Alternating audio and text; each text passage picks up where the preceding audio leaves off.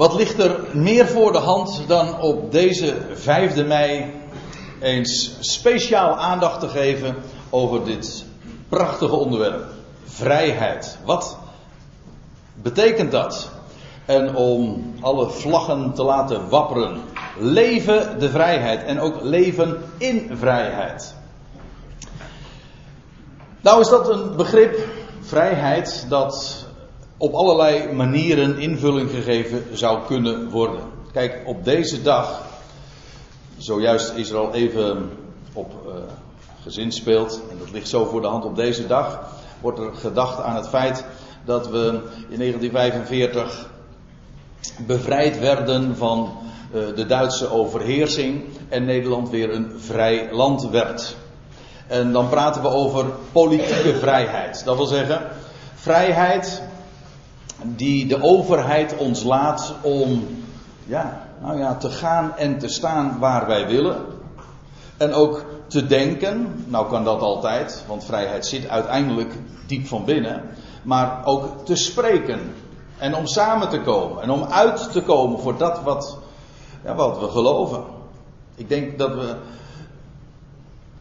ons zo weinig, en in ieder geval te weinig, realiseren hoe groot goed dat is. Met de dingen die we hier ook in deze samenkomsten naar voren mogen brengen. Er zijn tal van landen, maar dat geldt ook voor ons eigen land. Eh, een aantal eeuwen geleden, als je uit zou komen voor, voor de dingen die we weten vanuit de schrift en die ons bekend geworden zijn van het evangelie zoals Paulus dat heeft gepredikt in de heidenwereld. Ja, dan zou je voor op de brandstapel terechtgekomen zijn. En wij kunnen hier zo vrij bij elkaar komen. Nou, dat is een, een groot voorrecht. Politieke vrijheid. Dat wil zeggen vanuit de overheid die dat ons zo laat. Maar wat dacht u van fysieke vrijheid? En daarmee bedoel ik dus de vrijheid uh, om lichamelijk te gaan en staan. En je, hoeveel mensen zijn er niet, maar dat is een heel ander begrip. Kijk, vrijheid is een, een, een paraplu, een begrip dat van allerlei betekenissen kan hebben. Je bent vrij van, ja, van wat?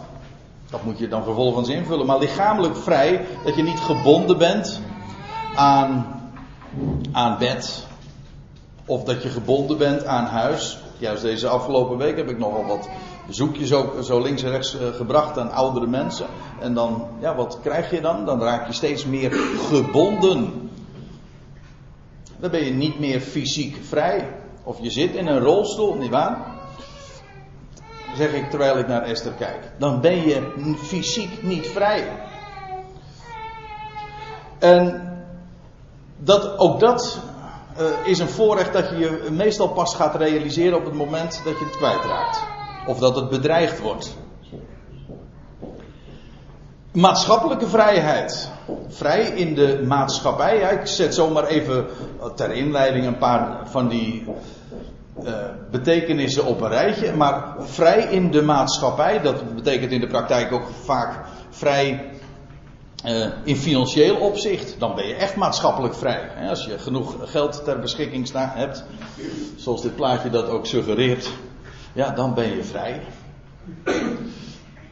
En uh, vrij, waarbij je kunt opvatten van vrij van werk, maar je kunt ook opvatten als vrij om te werken. Dat is heel gek, maar als, jij, als je zegt van ik ben ontslagen, dan is dat, ik weet enigszins uit ervaring daar ook over te spreken, dan is dat meestal geen goed nieuws. Maar terwijl in ander opzicht uh, betekent ontslag juist een, uh, een groot voordeel. Als je zegt ik ben ontslagen uit het ziekenhuis, dan ben je vrij van het ziekenhuis. En als je ontslagen bent van je werk, dan ben je vrij van je dienstverband. Dus dan ben je dus een vrij man. Dus zo kun je het ook eens bekijken. Ja, ik weet dat ik nou misschien een wat al te laconieke toon aansla. Maar goed. En, en vaak is het kan ook zo echt zijn dat je juist door zulke omstandigheden, ja, dan word je vrij. En dat je dat ook weer hele nieuwe deuren opent en vensters opent naar andere mogelijkheden. Dat je andere dingen kunt gaan doen. Ja, nou goed, maatschappelijke vrijheid, relationele vrijheid. Ja, ik weet niet of, hoeveel ik daarover moet zeggen, maar niet al te veel. Maar eh, vrij van relaties. dan spreken we over, dan ben je een vrij gezel, vrij van een gezel. Ja, is dat een voorrecht of niet? Ja, zeg ik terwijl mijn vrouw naar zijn hart zit te lachen. Soms. Soms. Vrij, ja, het is vrij gezellig, maar je bent vrij van een gezel. Eh, maar dat is nou typisch weer zo'n vorm van binding die we vrijwillig aangaan. Want op het moment dat je uh, trouwt, ja, dan ga je een binding aan voor het leven. Ja, in principe dan. En is dat een voorrecht? Nou, ik eh, zelf mag getuigen, jazeker, dat is een groot voorrecht. Maar uh, als je dan de apostel Paulus leest in 1 Korinthe 7, dan zegt hij toch van, nou, ik geef er de voorkeur aan om vrij te zijn daarin. Ook vrij van de echt. Een vrij gezel. Want dan ben je vrij in, alle, in zoveel opzichten om, om, om te gaan waar je wil. En, en niet alleen te gaan waar je wil, maar ook te doen wat je te doen staat. Nou ja, Paulus wijdt daarover uit in 1 Korinthe 7. Dat is relationele vrijheid. Het heeft allerlei kanten. Het is niet per definitie positief of negatief. En dan heb je ook eh, emotionele vrijheid. Nou, daarvan kan ik wel zeggen dat is per definitie positief. Ik zou niet zo gauw iets kunnen bedenken, een negatieve kant daarvan. Dat, dat je dus in gevoelsmatig opzicht niet gebonden bent. Geen, geen slaaf bent van. Wij spreken dan ook over een eh, ja, slaaf van of verslaafd aan. Dat je vast zit aan iets of een gewoonte of aan een bepaalde stof of verslaving. Dus dan ben je emotioneel onvrij. Nou, ik noem zo hier een vijftal dingen. Maar wat ik nu vanmorgen graag eens uh, voor het voetlicht wil plaatsen, dat is een, een vrijheid zoals de apostel Paulus met name. Want daar beperk ik me vanmorgen toe. Had het nog veel breder kunnen nemen. Maar gewoon eens een paar begrippen daaruit te nemen. waarvan wij vrij zijn. Want kijk, het, het heeft twee kanten, vrijheid. Je bent vrij van iets. Dat moet je altijd erbij zeggen. Als je het, als je zo, het begrip vrijheid noemt, dan moet, je, dan moet je wel met twee woorden spreken. Want je bent namelijk vrij van iets of je bent vrij om iets te doen. Ik zal één voorbeeld geven. Wat betekent nou vrijheid van godsdienst? Of anders gezegd, godsdienstvrijheid. Betekent dat dat je vrij bent van godsdienst? Ik heb de neiging om het zo te doen, om het zo te interpreteren. En ik zal het straks ook laten zien vanuit gelaten 5. Dan ga ik nog even hier dieper op in. Maar het is wel een aardig begrip. Godsdienstvrij, vrijheid van godsdienst. Maar wij bedoelen daar meestal mee. Eh, je bent vrij in religieus opzicht om te kiezen wat je wil aan godsdienst. Je bent vrij om een moslim te zijn, om een Jehovah's getuige, of je bent vrij om rooms-katholiek te wezen, zonder dat de overheid zich daarbij inmengt. Dus je bent vrij om welke visie of geloofs- uh, of uh, godsdienstige opvatting ook aan te hangen en uit te dragen. Dat is godsdienstvrijheid. Maar je kunt het op beide manieren opvatten. Je bent vrij van iets of je bent vrij om iets te doen. En dat geldt ook voor al die dingen, die vijf dingen die ik hier al heb genoemd. Dat, dat, daar zitten al die verschillende kanten ook aan. Maar goed, laten we eens even naar de Bijbel gaan. De Bijbel opslaan bij Romeinen 8.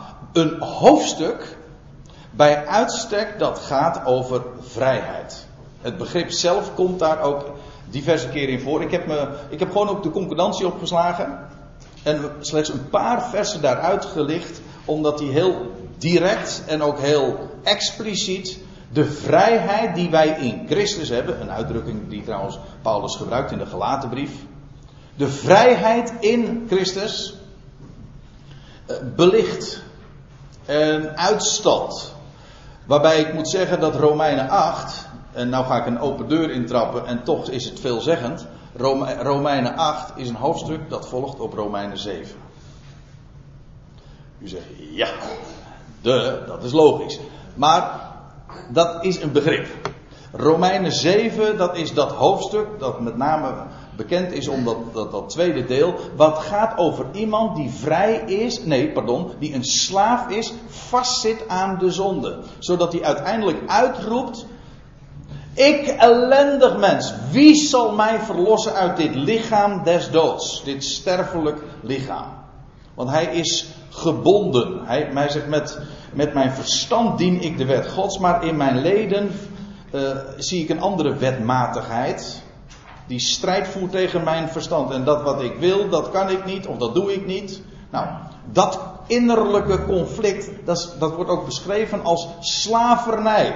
En vele mensen, en het wordt ook in, in, de, in de christelijke wereld, ook, ook in ons eigen lieve vaderland, uh, zo dikwijls ge, gepredikt, dat zou het normale christelijke leven zijn. En waarbij je altijd maar zucht en steunt en gebonden bent aan en niet dus de vrijheid kent van Romeinen 8.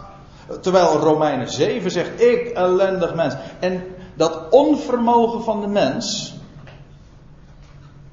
waar Romeinen 7 over spreekt en van getuigt, en daar hoeven we niets van af te doen. En wie zichzelf kent, goed genoeg kent, weet van zo is het. Een mens, eh, en de een zal dat misschien veel sterker ervaren dan de ander. Dat heeft ook te maken wellicht met je met je, ja, je karakter, met je hele persoonlijkheidsstructuur. De ene is nu eenmaal niet de ander. Maar dat je daar zo mee kan tobben in je leven. En is dat normaal om altijd maar te tobben? Ik wil geen enkel oordeel hierover geven, daar gaat het helemaal niet om. Maar om het zo voor te stellen, dat dat tobben het normale, de normale lijn zou zijn, zoals het ook vaak verteld wordt. Ik ellendig mens. En lees dan ook gewoon eens door. Dat onvermogen van de mens is een gegeven, daar hoeven we niets van af te doen. Maar daar zou je niet bij blijven stilstaan. Dat is weliswaar een plafond.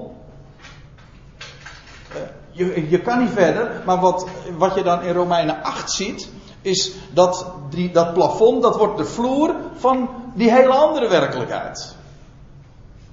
Dat wil zeggen, ons onvermogen is een feit.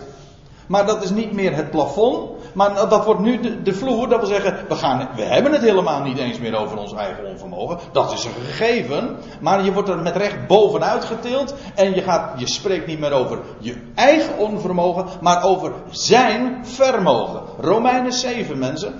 En dat kunnen we niet genoeg benadrukken. Op bevrijdingsdag is geen eindpunt. Romeinen 8. Daar gaat het om. En je ziet dat aan het einde van Romeinen 7. Ja, ik, ik heb nu nog alleen maar uh, het hoofdstukvermelding hierbij uh, staan. Maar lees het in uw Bijbel na. Romeinen 7 eindigt met, niet met ik ellendig mens. Dat moet je nog even verder lezen. Het eindigt met ik dank mijn God. Het eindigt met genade. Het, het woord voor danken daar in Romeinen 7, in het, laatste vers van Romeinen 7, dat is hetzelfde woord als het woord voor genade, charis. Ik dank mijn God. En, en dat is de grote ommekeer in, de, in dat verhaal, in dat relaas, in dat trieste relaas van Romeinen 7. Van ik ellendig mens. Namelijk dat hij want dat is het mooie, als, als de nood het hoogst is en als je geen uitweg meer ziet en als je zo aan de lijf ondervindt dat je niet kunt, je wil wel maar je kan het niet. En als je tegen die muur aan, uh, tegen die muur uh, aanloopt en niet verder kan, dan kan je nog maar één kant op kijken. En dat zie je in Romeinen 8. Oh ja, en dat is de uitwerking daarvan. En dat, dat die uitroep, ik dank mijn God. Wat ik niet kan, dat kan Hij. En dan begint inderdaad dit prachtige hoofdstuk. één grote lofzang op dat wat we hebben in Christus Jezus. En dat zijn soms wat uh, hele gedrongen zinnen in die zin dat, dat er zoveel in staat. Dat is Romeinen 8 vers 2 ook. Daar staat, want wat de wet, want, pardon, want de wet van de geest des levens, even één ding nog uh, vooraf. Het begrip wet, dat wordt op vele manieren in deze hoofdstukken uh, belicht. Wet in de zin niet alleen maar van de Torah, zoals we dat kennen van de wet van Mozes, maar ook in de zin van wetmatigheid, de norm. De, hier ook de wet van de geest des levens. Prachtig uitdruk. De geest van het leven. Je zou zelfs kunnen zeggen dat het een, eh, een, een pleonasme is. Niet in de zin van een, een stijlfout, maar een stijlfiguur. De geest namelijk, namelijk het leven. Geest is leven. Je de geest krijgt, ontvang je leven. En hier gaat het, nou ik heb het uh, embleem er maar duidelijk genoeg bijgedaan, over het geopende graf. Dat kan niet missen. De wet van de geest van het leven. En dan praten we over leven met allemaal hoofdletters. Leven namelijk dat sterker is dan de dood. Niet dit leven wat wij altijd leven noemen, dat sterven. Nee, dit. Dit geopende graf. Die de, de geest van het leven. Hij ontving de geest. Hij kreeg de geest en hij werd opgewekt uit de doden. Wel, die geest van het leven, en dat is een wetmatigheid, die geest ontvangt een ieder die gelooft. Die amen zegt op dit machtige werk van God. Dat God hem uit de doden heeft opgewekt. Wel, de wet van de geest van het leven heeft u in Christus Jezus vrijgemaakt van de wet van de zonde en van de dood. Dat is een hele mond vol. En daarom denk ik dat we er goed aan doen om even goed in te zoomen en op de verschillende onderdelen uh, aandacht uh, daaraan te geven. In de eerste plaats, hier staat dit in de, in de voltooide zin, maar in, de, in het Grieks staat dit in de, de feitvorm, de aorist, zonder horizon. Dus het is niet zozeer een, iets wat in het verleden heeft plaatsgevonden, maar dit wordt, het feit wordt gesteld, los van de tijd. De, de, wet van het geest, de wet van de geest van het leven maakt u in Christus Jezus vrij. Dat is het. Dat is wat de geest van het leven doet. Ongeacht wanneer. Vrijgemaakt. Hij bevrijdt. En dan staat erbij. In Christus Jezus. Een titel die juist ook te maken heeft met de verheerlijkte Heer. De opgestaan. Hij is juist door zijn opstanding tot Christus gemaakt. Het is ook de term die Paulus, die hoort bij Paulus. Elders vind je het niet in de brieven. Paulus gebruikt de term. Vele tientallen, ik geloof bijna honderd keer in zijn brieven. Christus Jezus. Typisch Paulus. Die hem, die hem ook kende als de verheerlijkte. Als de opgestane. Wel, het gaat over die geest van het leven. En de wetmatigheid die daaruit voortvloeit. Die bevrijdt ons, die maakt vrij, en wel in Christus Jezus, van de wet van de zonde en van de dood. En u moet zich realiseren, als hier staat want, dan is dat een uitleg. Feitelijk, ik, ik uh, licht er nou één vers uit. Ik kan niet anders, een morgen als deze, met deze opzet. Maar u moet zich realiseren, dit gaat, dit is al uitgebreid ter sprake gekomen. In Romeinen 4, 5, 6, 7. Dus om deze zin te begrijpen moet je die hoofdstukken daarvoor ook kennen. En ik ga er enigszins gemakshalve vanuit dat u het ook kent. En zo niet, dan, nou ja, dan herinneren we elkaar daaraan. Maar het gaat erom de wet van de zonde. Wat is die wetmatig? Dat is de wet van de zonde. Dat is die wetmatigheid van de zonde. Van dat doelmis. De mens is daaraan gebonden. Hij kan niet anders. Hij zondigt. Hij mist doel. En bovendien, er staat de wet van de zonde en des, en des doods. Dat is broertje en zusje, dat hoort bij elkaar. Want dat was ook al uitgelegd in Romeinen 5. Waarom zondigt de mens? Wel, er staat er in Romeinen 5, vers 12 op de dood. Dat betekent, we zijn stervelingen. We lopen met de dood in onze schoenen. En daarom zijn we zondaar. Het wordt wel eens omgekeerd, maar het is niet zo. We gaan niet dood omdat we zondigen. Nee, we zijn stervelingen en daarom ook zondaren. De wetmatigheid. Dat is iets waar, je waar we in gevangen zitten. Als mensheid. Romeinen 11, dat is nog weer een hoofdstuk uh, wat later. In Romeinen 11 wordt gezegd dat, dat hij allen, God, allen onder de weerbarstigheid en onder de ongehoorzaamheid besloten heeft. Een term die wordt gebruikt in verband met de visvangst. Die in een net gevangen zitten, opgesloten zitten. Dat is het. En heel de mensheid is gebonden aan en een slaaf van de zonde. En daarmee ook van de dood. Nou, wat hier naar voren gebracht wordt, is in Christus Jezus is daar een einde aangekomen. Dat is een feit. Want Christus Jezus is gestorven, maar hij stond op uit de doden. De zonde en de dood ligt achter hem. In hem is dat een feit.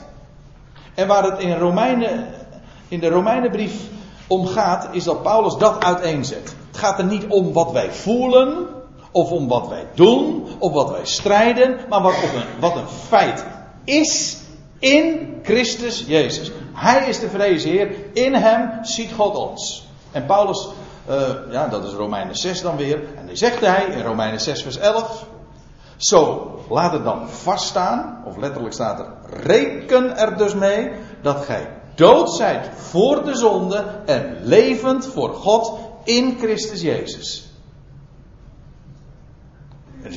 Dat heeft niks te maken met onze ervaring, met ons gevoel. Nee, dat is, dat, zo ziet God ons. Dood voor de zonde. Dat dus heeft niets te maken met onze ervaring, met, met onze strijd. Niets ervan. God ziet u zo. Namelijk in Christus Jezus. En wat, wat, uh, waar we toe worden opgeroepen in, uh, in de Romeinenbrief is niet om dat te gaan re, ja, in de zin van uh, een feit te maken of, of om dat waar te maken. Ja, maak dat waar in je leven. Nee, het is de waarheid. We rekenen daarmee, we staan daarop. Rekent u dood voor de zonde. Veel mensen zeggen. Het wordt uh, ook uh, alom zo ook geleerd. Hè, en, en, en ook de beleidenisgeschriften worden, wordt dat zo naar voren gebracht. Dat wij ons ganse leven zouden strijden tegen de zonde. Dan ben je een topper. Wat ik vertel, mensen, het is bevrijdingsdag. En realiseer je de vrijheid die we in Christus Jezus hebben. Wij zijn geen zondaren meer. Hm? Wat zegt u nou? Nee, dat is echt waar. Dat is, niet, dat is geen ervaringsgegeven. Ons gevoel, onze ervaring zegt misschien iets heel anders. Maar God zegt, Romeinen 5, wat is het, vers 10 geloof ik. Toen wij nog zondaren waren. Dat zegt de Bijbel. Want in Christus Jezus zijn wij vrij van de zonde. Hoezo strijden tegen de zonde? De Bijbel zegt niet strijden tegen de zonde. Houd het ervoor dat je de dood voor bent. Negeer de zonde en leef onbekommerd voor God. En altijd wordt daar tegen, in, eh, eh, tegen ingebracht dat het zo makkelijk maar niet kan gaan. Maar dat is nu juist het evangelie. De vrijheid is een gegeven. Namelijk in Christus Jezus. En in Hem ben ik. En daar vertrouw ik op. En zo, zo mag je elke dag opstaan. In nieuwheid des levens wandelen. En dan zeggen we: Het donkere dal ligt achter mij. En de dood en de duisternis en de zonde, dat is voorbij. Dan wandel je in een nieuwe schepping. En op het moment dat je weer naar je, in de spiegel gaat kijken naar jezelf, je gaat naar elkaar kijken, zie je dat niet. Je ziet het alleen in Christus Jezus. Dat is de waarheid. Zo ziet God dat. En zo, eh, en zo mogen wij het ook zien en reken daarmee. En die zonde, negeer het. Het heeft geen betekenis. Dat is dus eh, helemaal niet op het moment namelijk dat je gaat, uh, gaat strijden tegen de zonde, dan krijg je dat verhaal van Romeinen 7. Ik mag dit niet, ik, mag, ik moet zus. En dat is een hopeloze strijd, want je verliest het.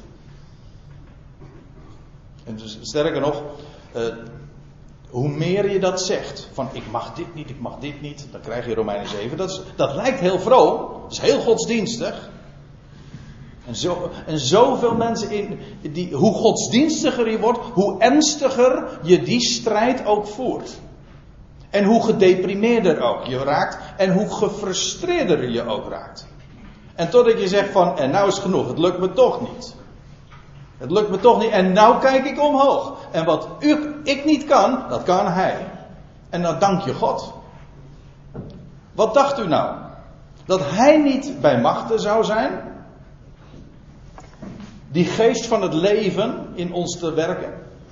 En op het moment dat je gaat, gaat danken, God gaat danken voor dat wat de waarheid is in Christus Jezus, wordt je leven heel anders. Dan ga je leven uit genade. Ik wil u één vers voorlezen uit 1 eh, Korinthe 15. Dat, dat sluit hier heel erg bij aan.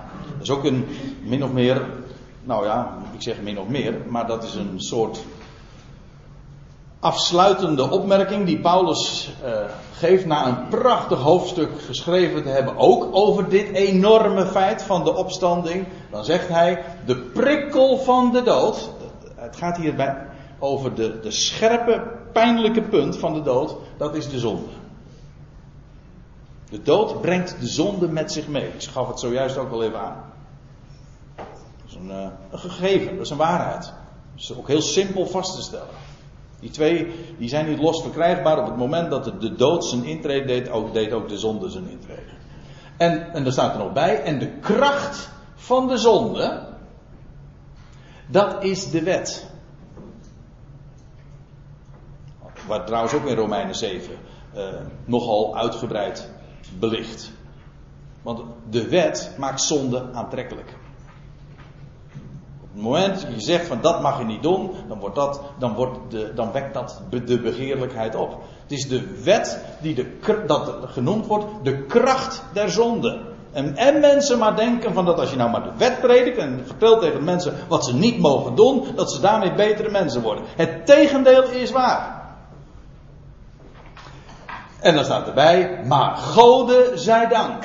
Hier weer exact dezelfde ommekeer als wat je ook leest in, in de switch tussen Romeinen 7 en 8. Gode zij dank.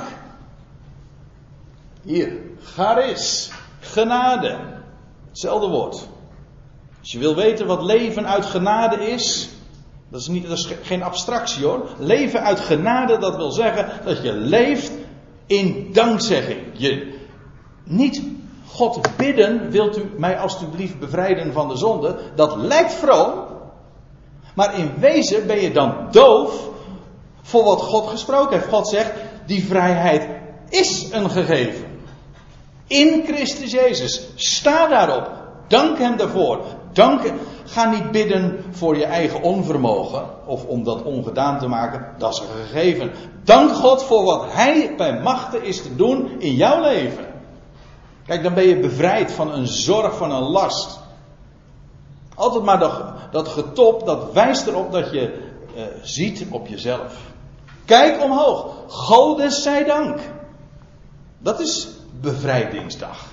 Gewoon in de praktijk. Dat je, dat je de goede richting op kijkt. Naar Hem. Goden zij dank die ons de overwinning geeft. Tegenwoordige tijd. Die is gevende. In uh, wat uh, ouderwets plechtig Nederlands. Die, die ons de overwinning is gevende. Dat wil zeggen, dat doet hij voortdurend. Hoe doet hij dat? Door onze Heer Jezus Christus. Waarbij de hele titel breed uitgemeten wordt, namelijk het gaat hier over de opgestane, verrezen Heer, die door zijn opstanding tot Heer en tot Christus gemaakt is. In hem is die overwinning een feit. En wij danken God wat wij in die levende, opgewekte Christus hebben ontvangen. Ja, dat zijn geweldige dingen. Maar we gaan verder. Want we hebben het nu gehad over de wet van de zonde, van de dood. Maar goed, 1 eh, Korinthe 15 was al een opstapje naar het volgende hoofdstuk. Wat ik, eh, waar ik een vers uit wil voorlezen. En dat is uit de Galatenbrief. Eigenlijk je zou kunnen zeggen, met, uh, en dat dringt zich uh, met gemak aan je op wanneer je de inhoud enigszins kent. De gelaten brief is de oorkonde van de vrijheid. Het is geen brief, bij mijn weten, of geen bijbelhoofd, geen bijbelgedeelte of bijbelboek waarin de vrijheid zo breed uitgemeten wordt en ook fundamenteel uiteengezet wordt als gelaten brief moet zich realiseren, de gelaten brief is geschreven aan Galaten. Ja, ja. En, en die Galaten, die waren uh, waren ooit tot, uh, in, tot geloof in Christus gekomen door de prediking van de apostel Paulus. Heidense gelaten, dat wil zeggen in het huidige Turkije, een landstreek. Daar waren ecclesia's ontstaan en, en, men, en men had het goede bericht ontvangen van Christus Jezus. En ze waren zeer gelukkig. Je leest dat in Gelaten 4 ook. En Paulus vraagt in deze brief: waar is jullie geluk gebleven? Ze waren ooit zo gelukkig. En weet u wat er veranderd was? Er waren in die ecclesies waren mensen binnengekomen, judaïsten, zo worden ze genoemd. Mensen die het jodendom uh, in de lichte vorm of in de zware vorm, dat maakt niet uit, weer wilde, in, of weer, wil, wilde introduceren daar in die ecclesia's. En de besnijdingspreekten. En uh, Joodse hoogtijdagen. En rituelen. Ook de spijswetten weten we uit Galaten 2. Kortom, allerlei Joodse elementen, godsdienstige elementen, wilden ze daar in die Ecclesia invoeren. Want dan word je een beter mens van. Zo, dat, zouden jullie ook moeten onderhouden. En Paulus is furieus in deze brief. Het is geen brief waarin hij zo, uh, waarin hij zo uitpakt. Wat is er van zijn de boodschap van genade overgebleven? Hij zegt, en hij zegt ook dat wat, je, wat zij vertellen is geen eens een evangelie. Nou, heeft hij vier hoofdstukken over geschreven. En dan zegt hij, opdat wij waarlijk vrij zouden zijn. Nog, nog één ding, voor, voordat ik hier nog over doorlees. Het direct voorafgaande aan Gelaten 5 is het, slot uiteraard van Gelaten 4. Ja, en, maar wat, wat staat daar? Daar gaat Paulus een, geeft een prachtige uitleg over die geschiedenis van Hagar en Zara. Waarbij Hagar de slavin is en Zara de vrije vrouw. Geen slavin dus. En God had een belofte gegeven aan Abraham en Zara. En Abraham dacht op een gegeven ogenblik God een handje te moeten helpen. Waar hebben we dat vaker gehoord? En toen heeft, want zij konden geen kinderen krijgen. Nou, u kent de geschiedenis. En Abraham uh, verwekt een kind bij de slavin. En Ismaël. Later wordt de zoon van de belofte geboren. Namelijk uit de vrije. Isaac. Dat wordt in gelaten 4 uh, uh, uiteengezet. En dan zegt Paulus: de vraag is: wie is nou jouw moeder? Door wie word je opgevoed? Is dat door Hagar? En dan zegt hij Hagar, dat is de berg Sinaï in Arabië. Staat voor de bedeling van de wet. Staat voor slavernij. Hij zegt, is je, word je opgeleid door Hagar, of opgevoed door Hagar, door de wet, of door de vrije? Dat wil zeggen door Sarah. Ben je, leef je uit de belofte? Uit wat God doet? Want belofte heeft te maken. Kijk, als ik iets beloof, dan ben ik verplicht om dat te doen. Als God iets belooft, dan doet Hij het. En aan wie is dan ook de eer? Aan Hem. Maar dan ook alleen aan Hem. En als daarentegen het verhaal is dat wij God een handje moeten helpen. En zoals Abraham dan bij Sarah een kind verwekt. Ja, allemaal mooi en aardig. Maar A, dat, is dan, dat was niet wat beloofd was. Abraham dacht zelf dat te moeten doen. Maar wat eruit voortkwam, dat was, ja, dat was slavernij. Nou, en dat is een. Paulus laat zien, hij zegt: Jullie willen leven onder de wet, luister dan eens naar de wet. Gewoon, hier gaat een sprake van uit.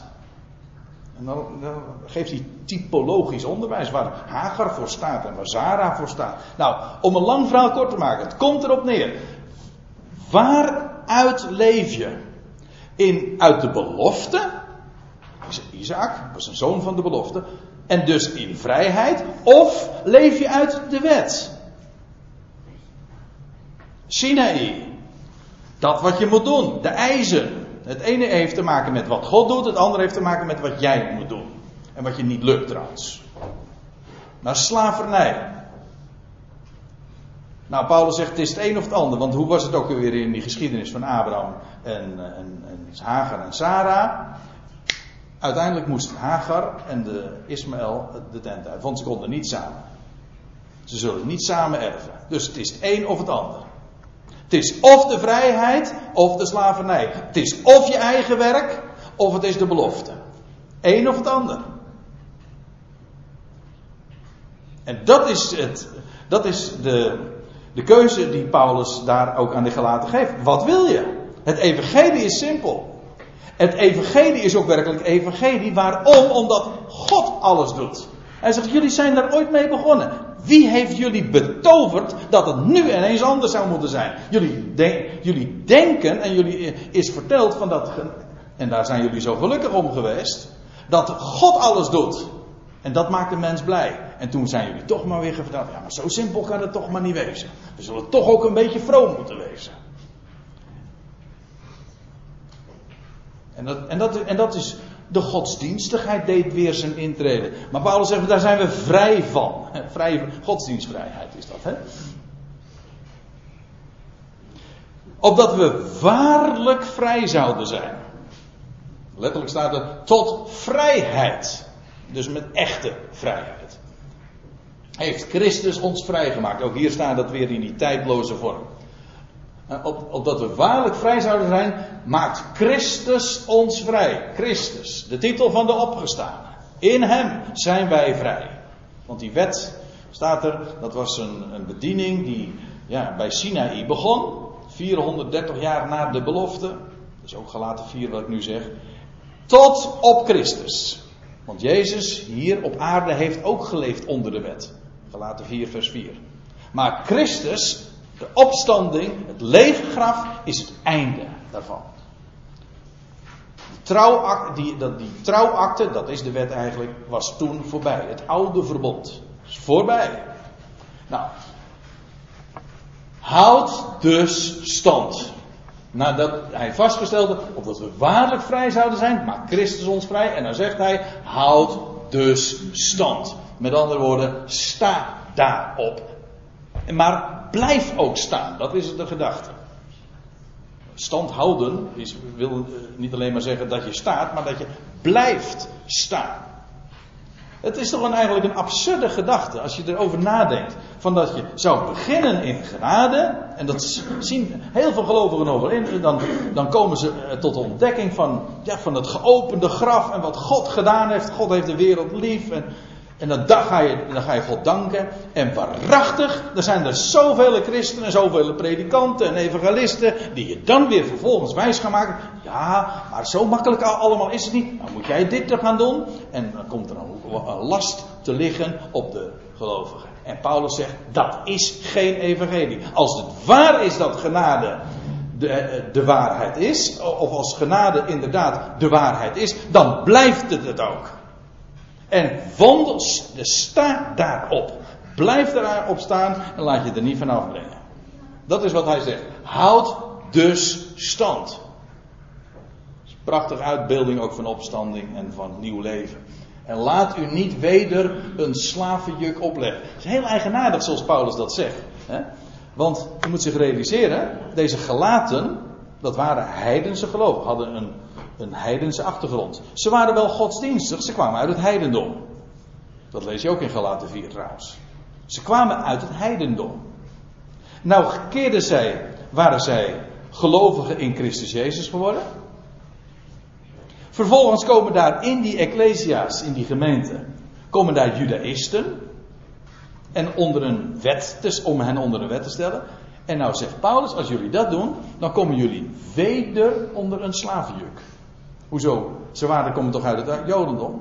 Eh, of uit het heidendom? Jawel, maar dat is hetzelfde laken en pak.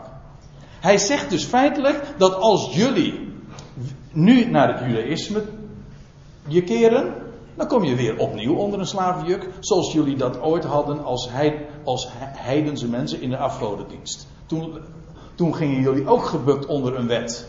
Ja, een andere religie. Maar jullie wisselen slechts dan van religie. En, en nou komen we toch even op het onderwerp wat ik al even had beloofd. Kijk, religie, moet even, dat woord eens eventjes uiteenpellen. Religie, re dat betekent weer, maar ligie, dat komt van een Latijns woord en dat betekent vastbinden. En dat, dat is een prachtige uitdrukking eh, in dit verband ook van Galaten eh, 5 vers 1, het laatste zinsdeel. Jullie, jullie waren in een af, andere godsdienst, een heidense godsdienst. Nu gaan jullie naar het Jodendom, maar dat, daarmee komen jullie opnieuw onder een slavenjuk. Het is weer een andere religie, maar niettemin, het is gewoon weer religie. En daarmee binding. Je moet zus, je moet zo, dat mag je niet. Die rituelen, die hoogtijden. En welke varianten je ook daarvan bedenkt, en er zijn er vele. Religie is er in grote, eh, is er in grote gedaan, eh, getalen. En bovendien, zelfs als je je even beperkt tot de christelijke religie, heb je ook allerlei varianten daarin. Maar het kenmerk is dat je dingen moet doen. Het kenmerk van het evangelie is, alles is gedaan. En wij danken God voor dat wat we in Hem hebben. Laat je niet weder een slavenjuk opleggen. Dat is met recht religie. Leef in die vrijheid. Geniet daarvan. Leven de vrijheid. En dan bedoel ik met leven.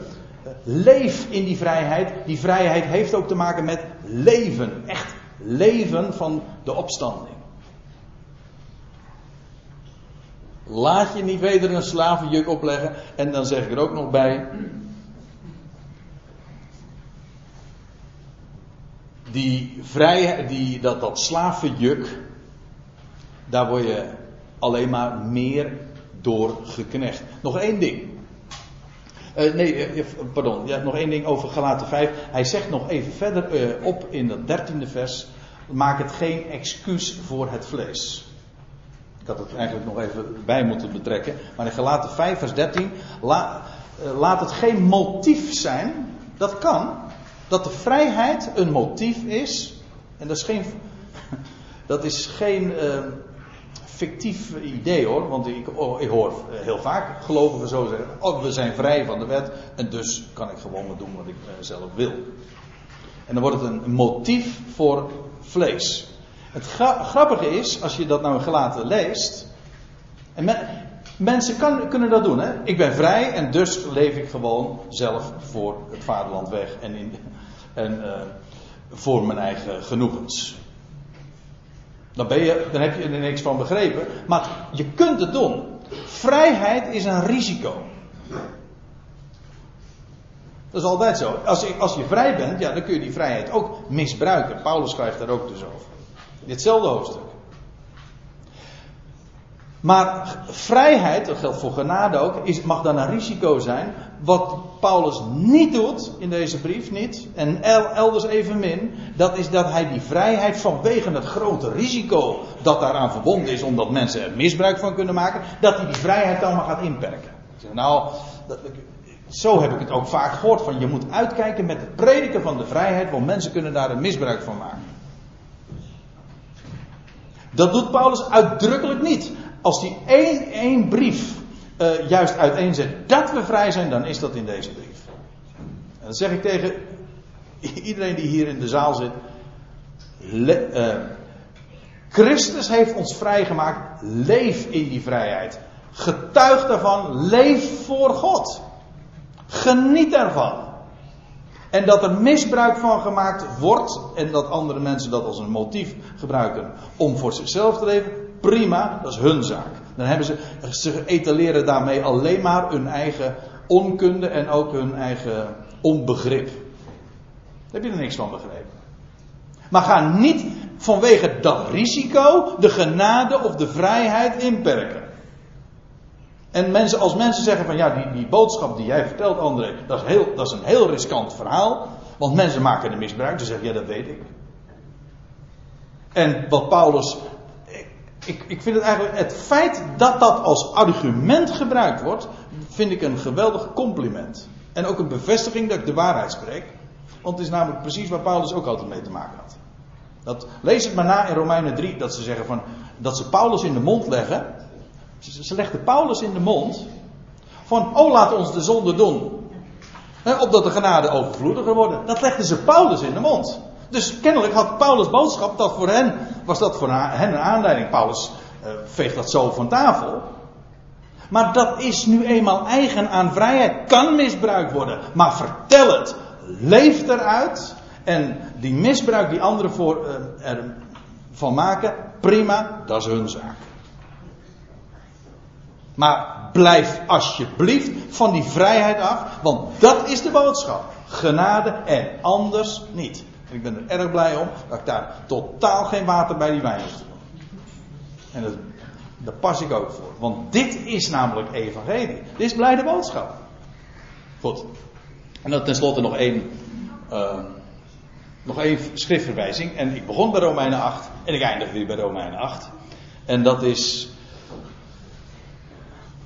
de vrijheid als we het hebben over de toekomst. De, de grote bevrijdingsdag moet in die zin nog komen. Als het gaat over de hele schepping en ook de ervaring, eh, de vrijheid als ervaringsfeit, nou, dat ligt nog in de toekomst. Laten we het eens lezen. Romeinen 8, vers 20.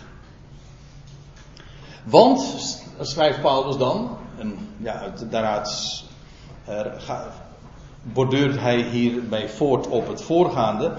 Want, zegt hij, de schepping die is aan de vruchteloosheid onderworpen. Letterlijk staat er, uh, en elders wordt dit woord, ik geloof dat het drie keer voorkomt. Het wordt elders vertaald met hol en, en nog weer elders met ijdel. Dat is, maar dat is allemaal hetzelfde. De schepping is aan de ijdelheid onderworpen. En er is een, we hebben een heel Bijbelboek dat daarover gaat. Het boek Prediker. Dat begint zo en het eindigt zo. Ijdelheid der ijdelheden, alles is ijdelheid. En noem één ding hier in deze schepping dat niet ijdel is, eh, dat bestaat niet. Alles. Alles is ijdel. En er staat er ook, jammer in die zin ook dat men het zo met vruchteloosheid heeft weergegeven. Dat is wel een hele aardige weergave hoor. Het draagt geen vrucht. Maar daarmee mis je de connectie met een heel Bijbelboek. Waar, waar dat breed wordt uitgemeten, waar het wordt uh, gedemonstreerd en wordt uitgelegd. Maar ook waarbij het zo aan de lijve gaat ondervinden en, en beseffen van ja, dit is een ijdel bestaan. Dit bestaan. Sommige mensen vinden dat misschien wat depri als je dat zegt, dat we toch allemaal. Het is, het is allemaal maar een sterfelijk sterfelijk gedoe. En het is allemaal, en het is zo onuitsprekelijk vermoeiend. En je komt uiteindelijk geen stap verder in deze wereld. Dood ga je toch. En die weg ernaartoe is ook soms uh, huilen en triest. Wij hoeven daar ook helemaal niet moeilijk over te doen. Dat is namelijk een gegeven. Weet u waarom? Is met recht een gegeven. Mooi woord. Dat betekent niet alleen maar het is een feit, maar het is ook een gave van boven. Want de schepping is aan de vruchteloosheid, aan de ijdelheid onderworpen, ondergeschikt gemaakt. En er staat erbij, en daaruit, leid ik ook inderdaad af. En daaruit stel ik ook vast dat het inderdaad een gegeven is. Er staat er niet vrijwillig. Dat wil zeggen, de schepping heeft daar zelf niet voor gekozen. Het is geen keuze van het schepsel geweest.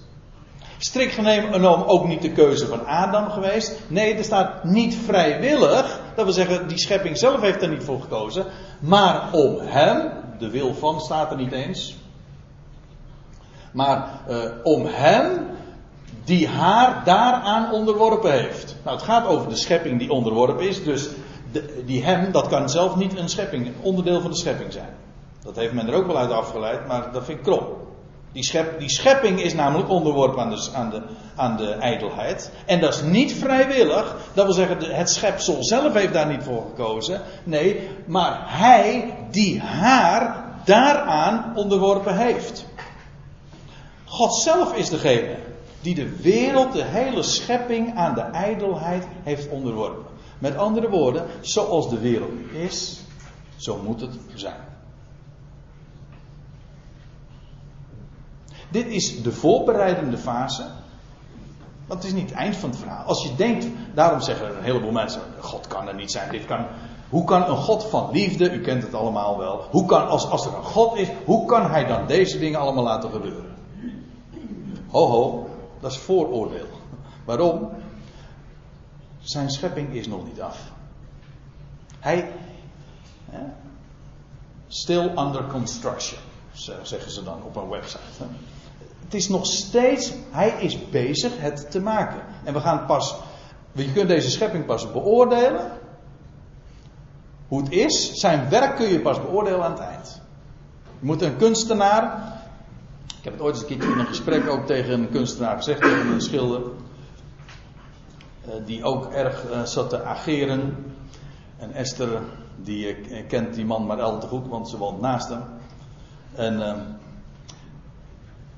die man die zat heel erg te, te, schoppen en te, vecht, ja, te ageren tegen dat, dat, er een God zou zijn. Eigenlijk, hij geloofde trouwens wel dat er een God was, maar hij, hij was daar zo'n innerlijk protest. Hoe kan een God dan, en hij had zo zijn eigen verhalen weer, wat hij meegemaakt had, waardoor hij het totaal niet kon rijmen. En die man die schilderde zelf, niet onverdienstelijk, maar wat hij toen, uh, toen zei ik tegen hem, ik zeg maar hoe, hoe zou u het vinden als ik, hij was bezig met de schilderij, als ik nu al zou zeggen, mijn oordeel zou geven over die schilderij die u nu aan het maken bent.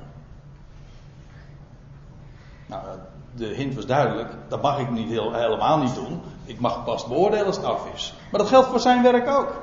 Gods werk is nog niet af.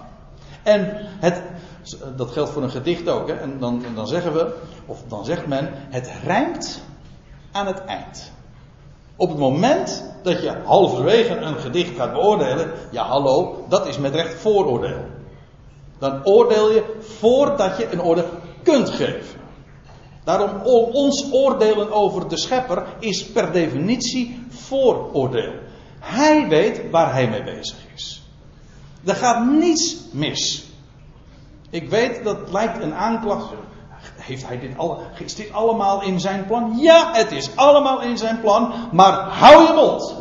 Sorry dat ik een beetje uitval. Maar hou je mond, want hij, zijn werk is nog niet af. En pas aan het eind zullen we, dan zullen we het er nog eens over hebben. En dan weet ik nu al één ding. Dan gaan alle knietjes buigen. Van wie dan ook. En dan zullen ze allemaal zeggen: tot eer van God, Hij, die opgestane, Hij is Heer. En dan, zul, en dan zullen ze, er staat ook in Jezaja 5, um, is het 45? Ja, Jezaja 45, daar lees je die woorden, dat, dat allen, in diezelfde passage waar ook gesproken wordt, dat alle knie gaat buigen en dan allen zullen beschaamd zijn die tegen hem uh, zijn opgestaan, of die hem hebben beschuldigd. Ze zullen het schaamrood op de kaken hebben. Hoe kan een God dan? En dan zal hij zeggen daarom. Dit is ook vooroordeel hoor, wat ik nu zeg. Maar ik, ik baseer, dit is, ja, ja, waarom vooroordeel? Ik spreek nu al over dingen die nog moeten gaan gebeuren. Maar ik, heb één, ik weet één ding. Ik zeg dit op grond van het feit dat God dit zelf heeft gezegd. Hij heeft gesproken. En hij verkondigt van de beginnen al de afloop. En sterker nog, hij heeft dit gezworen. Ik heb gezworen hoe dat dit zo zal gaan. Nou ja, de wereld is aan de ijdelheid onderworpen. En dat is niet vrijwillig, hij doet dat. En dan staat erbij in hopen. Ja, nou daar heb ik al wat over verteld. In hoop, of letterlijk staat er op verwachting. Hoop, dat klinkt. Eh, dus het voordeel van het woord hoop is dat het erg hoopvol is. Het voordeel van het woord verwachting is, het is vast. Kunt namelijk iets hopen, maar dan, gaat het, dan hoeft het nog niet per definitie te gebeuren. Als je weet, ik verwacht dat, dan gebeurt dat. Zo zal het gaan. Maar het gaat hier over uh, in of op verwachting, of op hoop echter, dat wil zeggen, is die wereld aan de ijdelheid onderworpen, op, omdat ook de schepping zelf van de dienstbaarheid, of letterlijk de slavernij van de vergankelijkheid, zal bevrijd worden. Zal bevrijd worden, toekomstige tijd. De bevrijdingsdag, kijk, je zou het, om het in oorlogstermen te zeggen, de D-Day is geweest. De Decision Day. Toen hij stierf, wat zeg ik, toen hij opstond uit de doden, dat was de beslissende dag. En in hem hebben wij die vrijheid en daar leven wij nu al uit. Maar de V-Day, de Victory Day, dat is dat. Als de ganse schepping, niet alleen wij, maar God denkt groot. Hè? wat zeg ik? Hij denkt alomvattend. Dat is geen kwestie van keuzes, niet vrijwillig. Hè? God heeft dat zo bepaald. En of wat een mens daarvan vindt, dat is volstrekt oninteressant. Hij gaat zijn weg. En als hij jouw ogen daarvoor geopend heeft, prijs hem.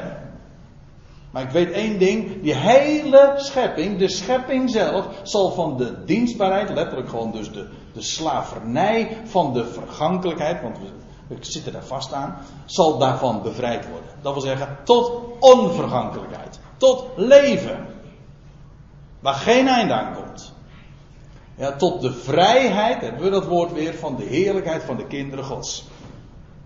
Dat wil zeggen, wij mogen nu al kinderen Gods zijn, dat nieuwe leven van Hem kennen. Ja, maar straks worden wij openbaar als zonen, dat was trouwens vers 19.